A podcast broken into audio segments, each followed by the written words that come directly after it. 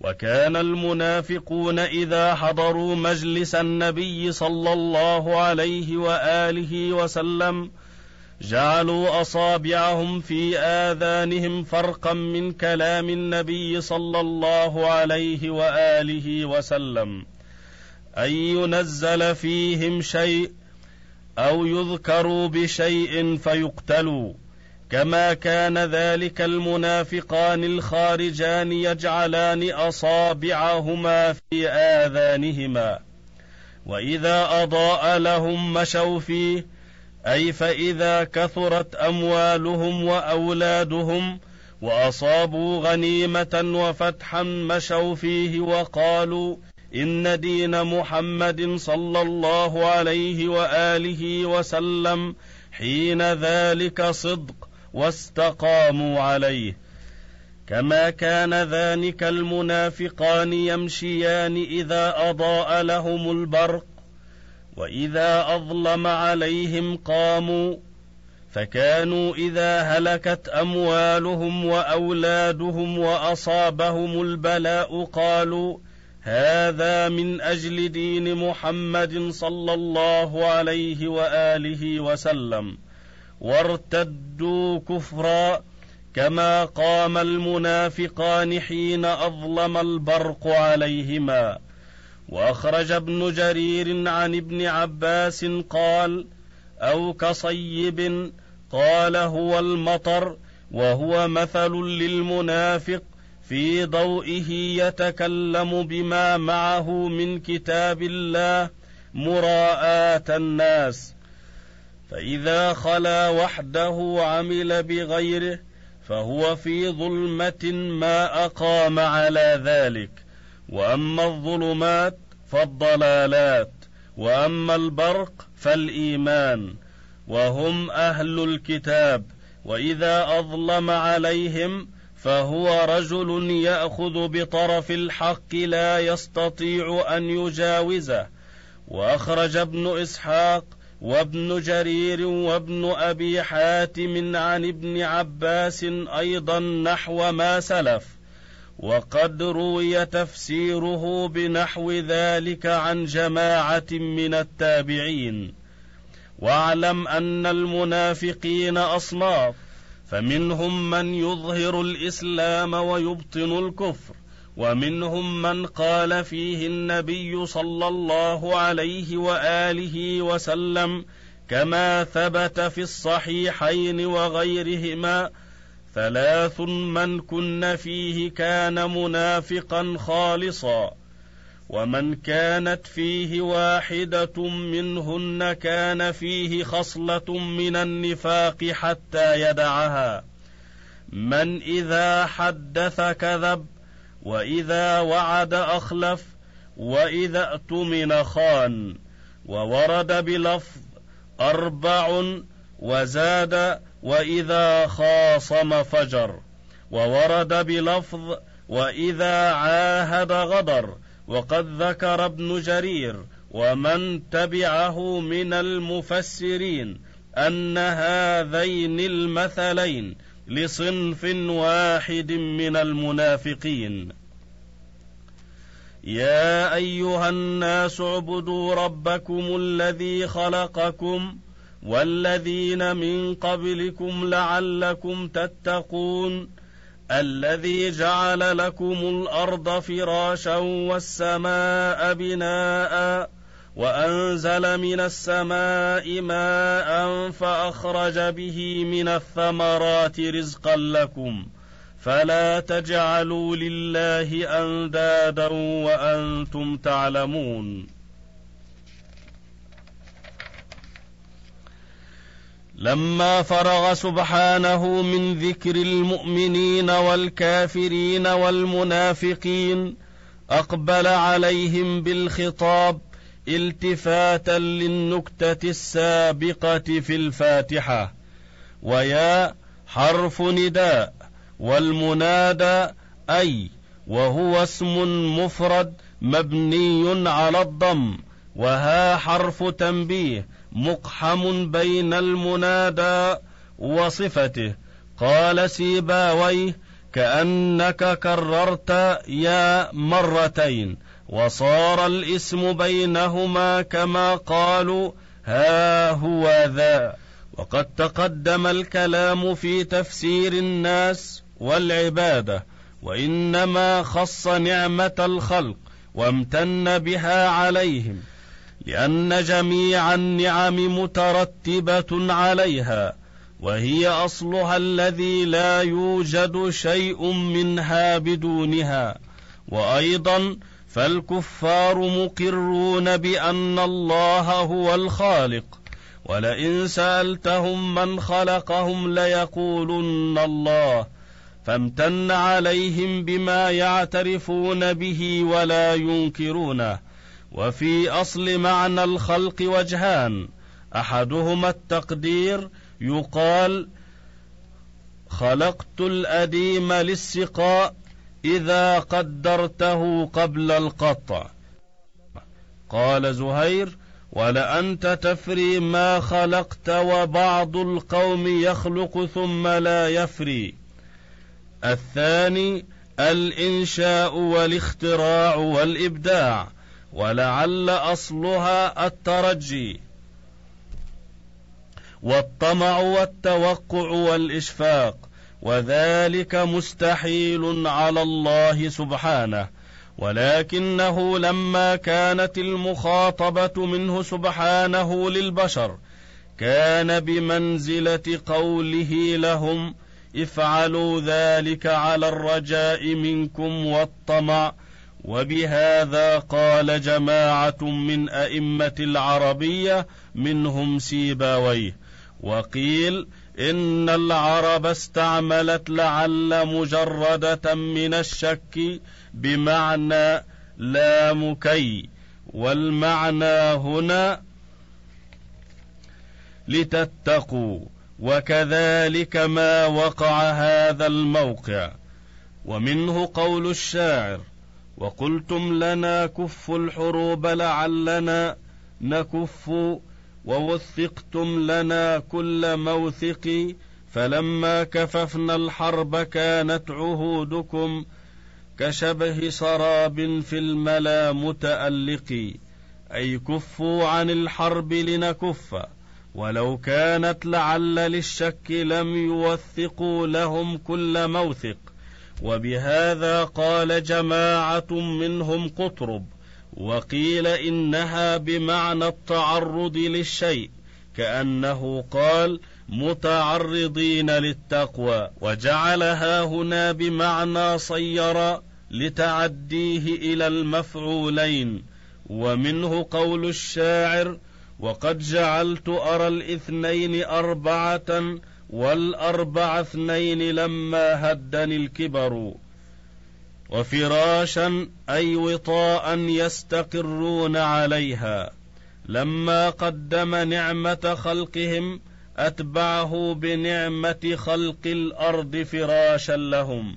لما كانت الأرض التي هي مسكنهم ومحل استقرارهم من أعظم ما تدعو إليه حاجتهم ثم أتبع ذلك بنعمة جعل السماء كالقبة المضروبة عليهم والسقف للبيت الذي يسكنونه كما قال وجعلنا السماء سقفا محفوظا وأصل البناء وضع لبنة على أخرى ثم امتن عليهم بإنزال الماء من السماء وأصل ما موها قلبت الواو لتحركها وانفتاح ما قبلها الفا فصار ماه.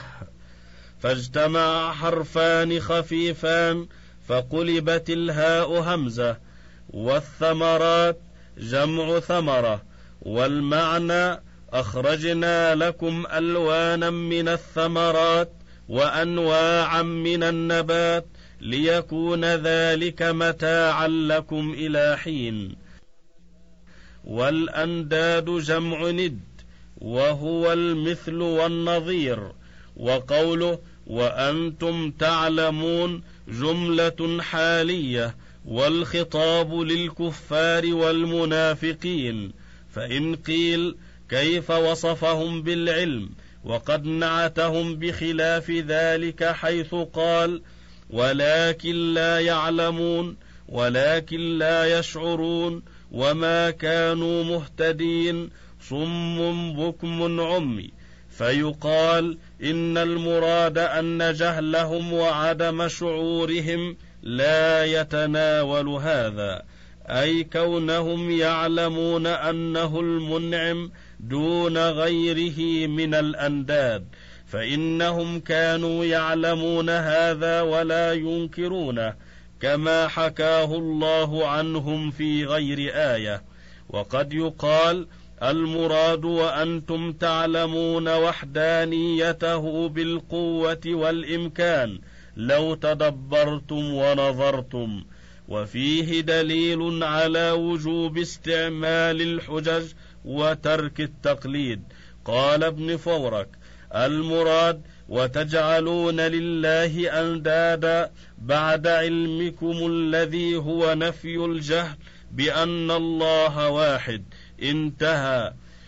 وحذف مفعول تعلمون للدلالة على عدم اختصاص ما هم عليه من العلم بنوع واحد من الأنواع الموجبة للتوحيد.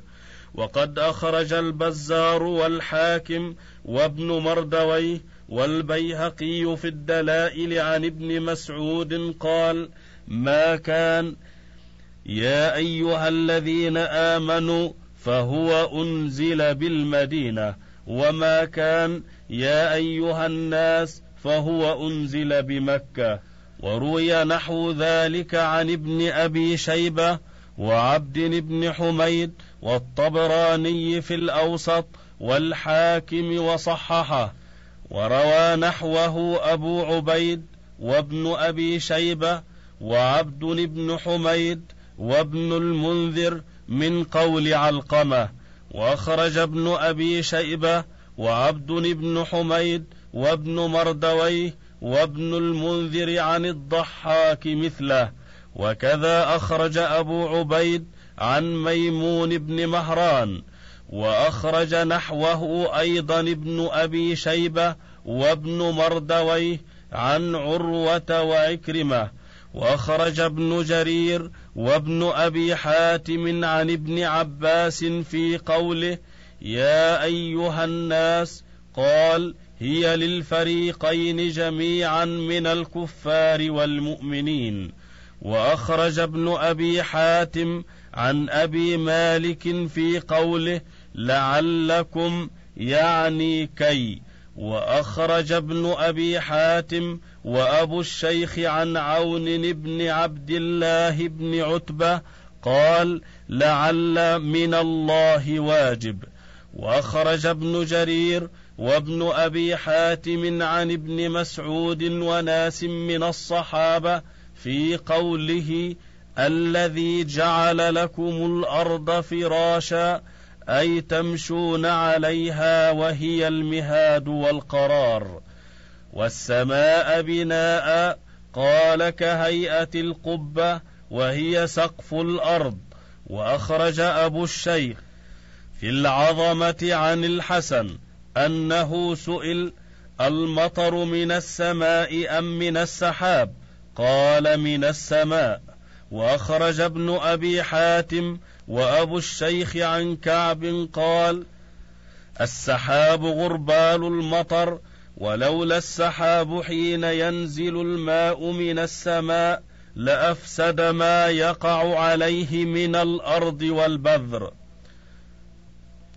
وأخرج ابن أبي حاتم وأبو الشيخ عن خالد بن معدان قال المطر ماء يخرج من تحت العرش فينزل من سماء إلى سماء حتى يجتمع في سماء الدنيا فيجتمع في موضع يقال له الأبزم فتجيء السحاب السود فتدخله فتشربه مثل شرب الإسفنجة فيسوقها الله حيث يشاء.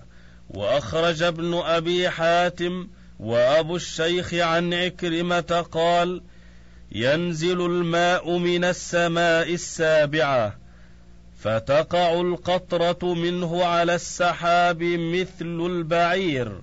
وأخرج ابن أبي حاتم وأبو الشيخ عن خالد بن يزيد قال المطر منه من السماء ومنه ما يستقيه الغيم من البحر فيعذبه الرعد والبرق. وأخرج ابن أبي الدنيا في كتاب المطر عن ابن عباس قال إذا جاء القطر من السماء تفتحت له الأصداف فكان لؤلؤا. وأخرج الشافعي في الأم وابن أبي الدنيا في كتاب المطر. وأبو الشيخ في العظمة عن المطلب بن حنطب أن النبي صلى الله عليه وآله وسلم قال ما من ساعة من ليل ولا نهار إلا والسماء تمطر فيها يصرفه الله حيث يشاء.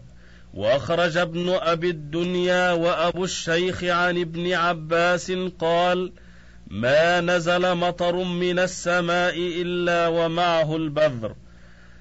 أما لو أنكم بسطتم نطعا لرأيتموه وأخرج ابن أبي الدنيا وأبو الشيخ عن ابن عباس قال المطر مزاجه من الجنة فإذا كثر المزاج عظمت البركة وإن قل المطر وإذا قل المزاج قلت البركة وإن كثر المطر. وأخرج أبو الشيخ عن الحسن قال ما من عام بأمطر من عام ولكن الله يصرفه حيث يشاء. وينزل مع المطر كذا وكذا من الملائكة يكتبون حيث يقع ذلك المطر ومن يرزقه ومن يخرج منه مع كل قطرة. وأخرج ابن إسحاق وابن جرير وابن أبي حاتم عن ابن عباس في قوله فلا تجعلوا لله أندادا أي لا تشركوا به غيره من الأنداد التي لا تضر ولا تنفع. وأنتم تعلمون أنه لا رب لكم يرزقكم غيره. وأخرج ابن جرير وابن أبي حاتم عن ابن عباس اندادا قال أشباها. وأخرج ابن جرير عن ابن مسعود اندادا قال أكفاء من الرجال يطيعونهم في معصية الله. وأخرج عبد بن حميد عن قتادة اندادا قال شركاء وأخرج ابن أبي شيبة وأحمد والبخاري في الأدب المفرد والنسائي وابن ماجة وأبو نعيم في الحلية عن ابن عباس قال قال رجل للنبي صلى الله عليه وآله وسلم ما شاء الله وشئت. قال جعلتني لله ندا ما شاء الله وحده. وأخرج ابن سعد عن قتيلة بنت صيفا قالت جاء حبر من الأحبار إلى النبي صلى الله عليه وآله وسلم فقال يا محمد نعم القوم أنتم لولا أنكم تشركون. قال وكيف؟ قال يقول أحدكم لا والكعبة. فقال النبي صلى الله عليه وآله وسلم من حلف فليحلف برب الكعبة. فقال يا محمد نعم القوم أنتم لولا أنكم تجعلون لله ندا. قال وكيف ذلك؟ قال يقول أحدكم ما شاء الله وشئت. فقال النبي صلى الله عليه وآله وسلم فمن قال منكم ما شاء الله قال ثم شئت. وأخرج ابن أبي شيبة وأحمد وأبو داود والنسائي وابن ماجه والبيهقي عن حذيفة بن اليمان قال قال رسول الله صلى الله عليه وآله وسلم لا تقولوا ما شاء الله وشاء فلان قولوا ما شاء الله ثم شاء فلان. وأخرج أحمد وابن ماجه والبيهقي وابن مردوي عن طفيل بن سخبرة أنه رأى فيما يرى النائم كأنه مر برهط من اليهود فقال أنتم نعم القوم لولا أنكم تزعمون أن عزيرا ابن الله.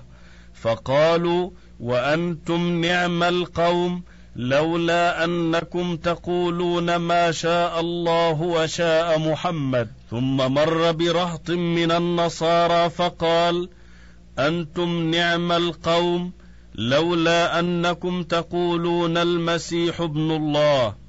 قالوا وأنتم نعم القوم لولا أنكم تقولون ما شاء الله وشاء محمد.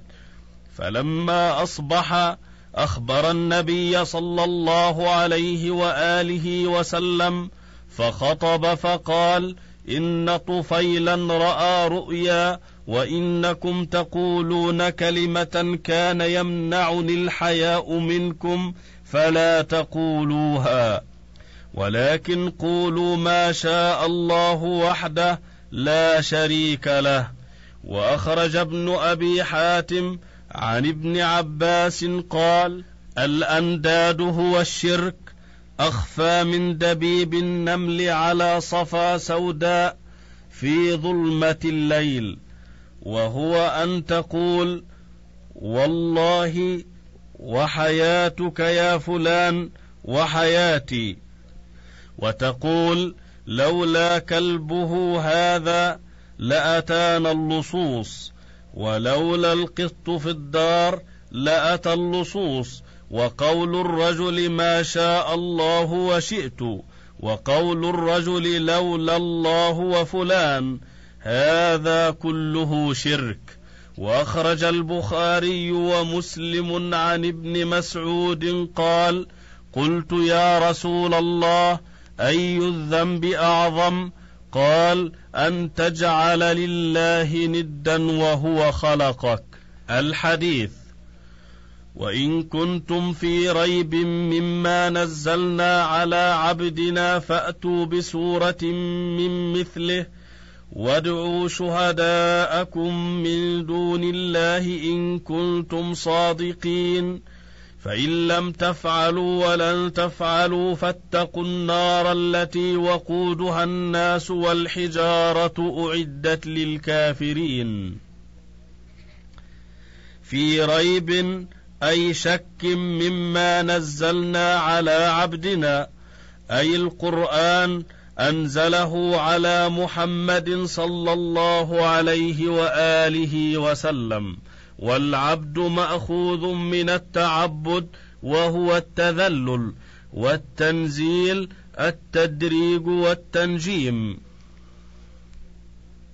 وقوله فأتوا الفاء جواب الشرط وهو أمر معناه التعجيز.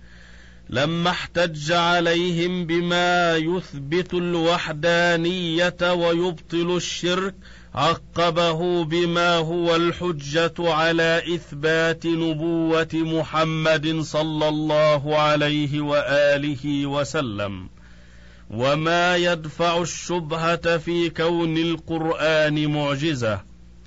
فتحداهم بأن يأتوا بسورة من سوره والسورة الطائفة من القرآن المسماة باسم خاص سميت بذلك لأنها مشتملة على كلماتها كاشتمال سور البلد عليها.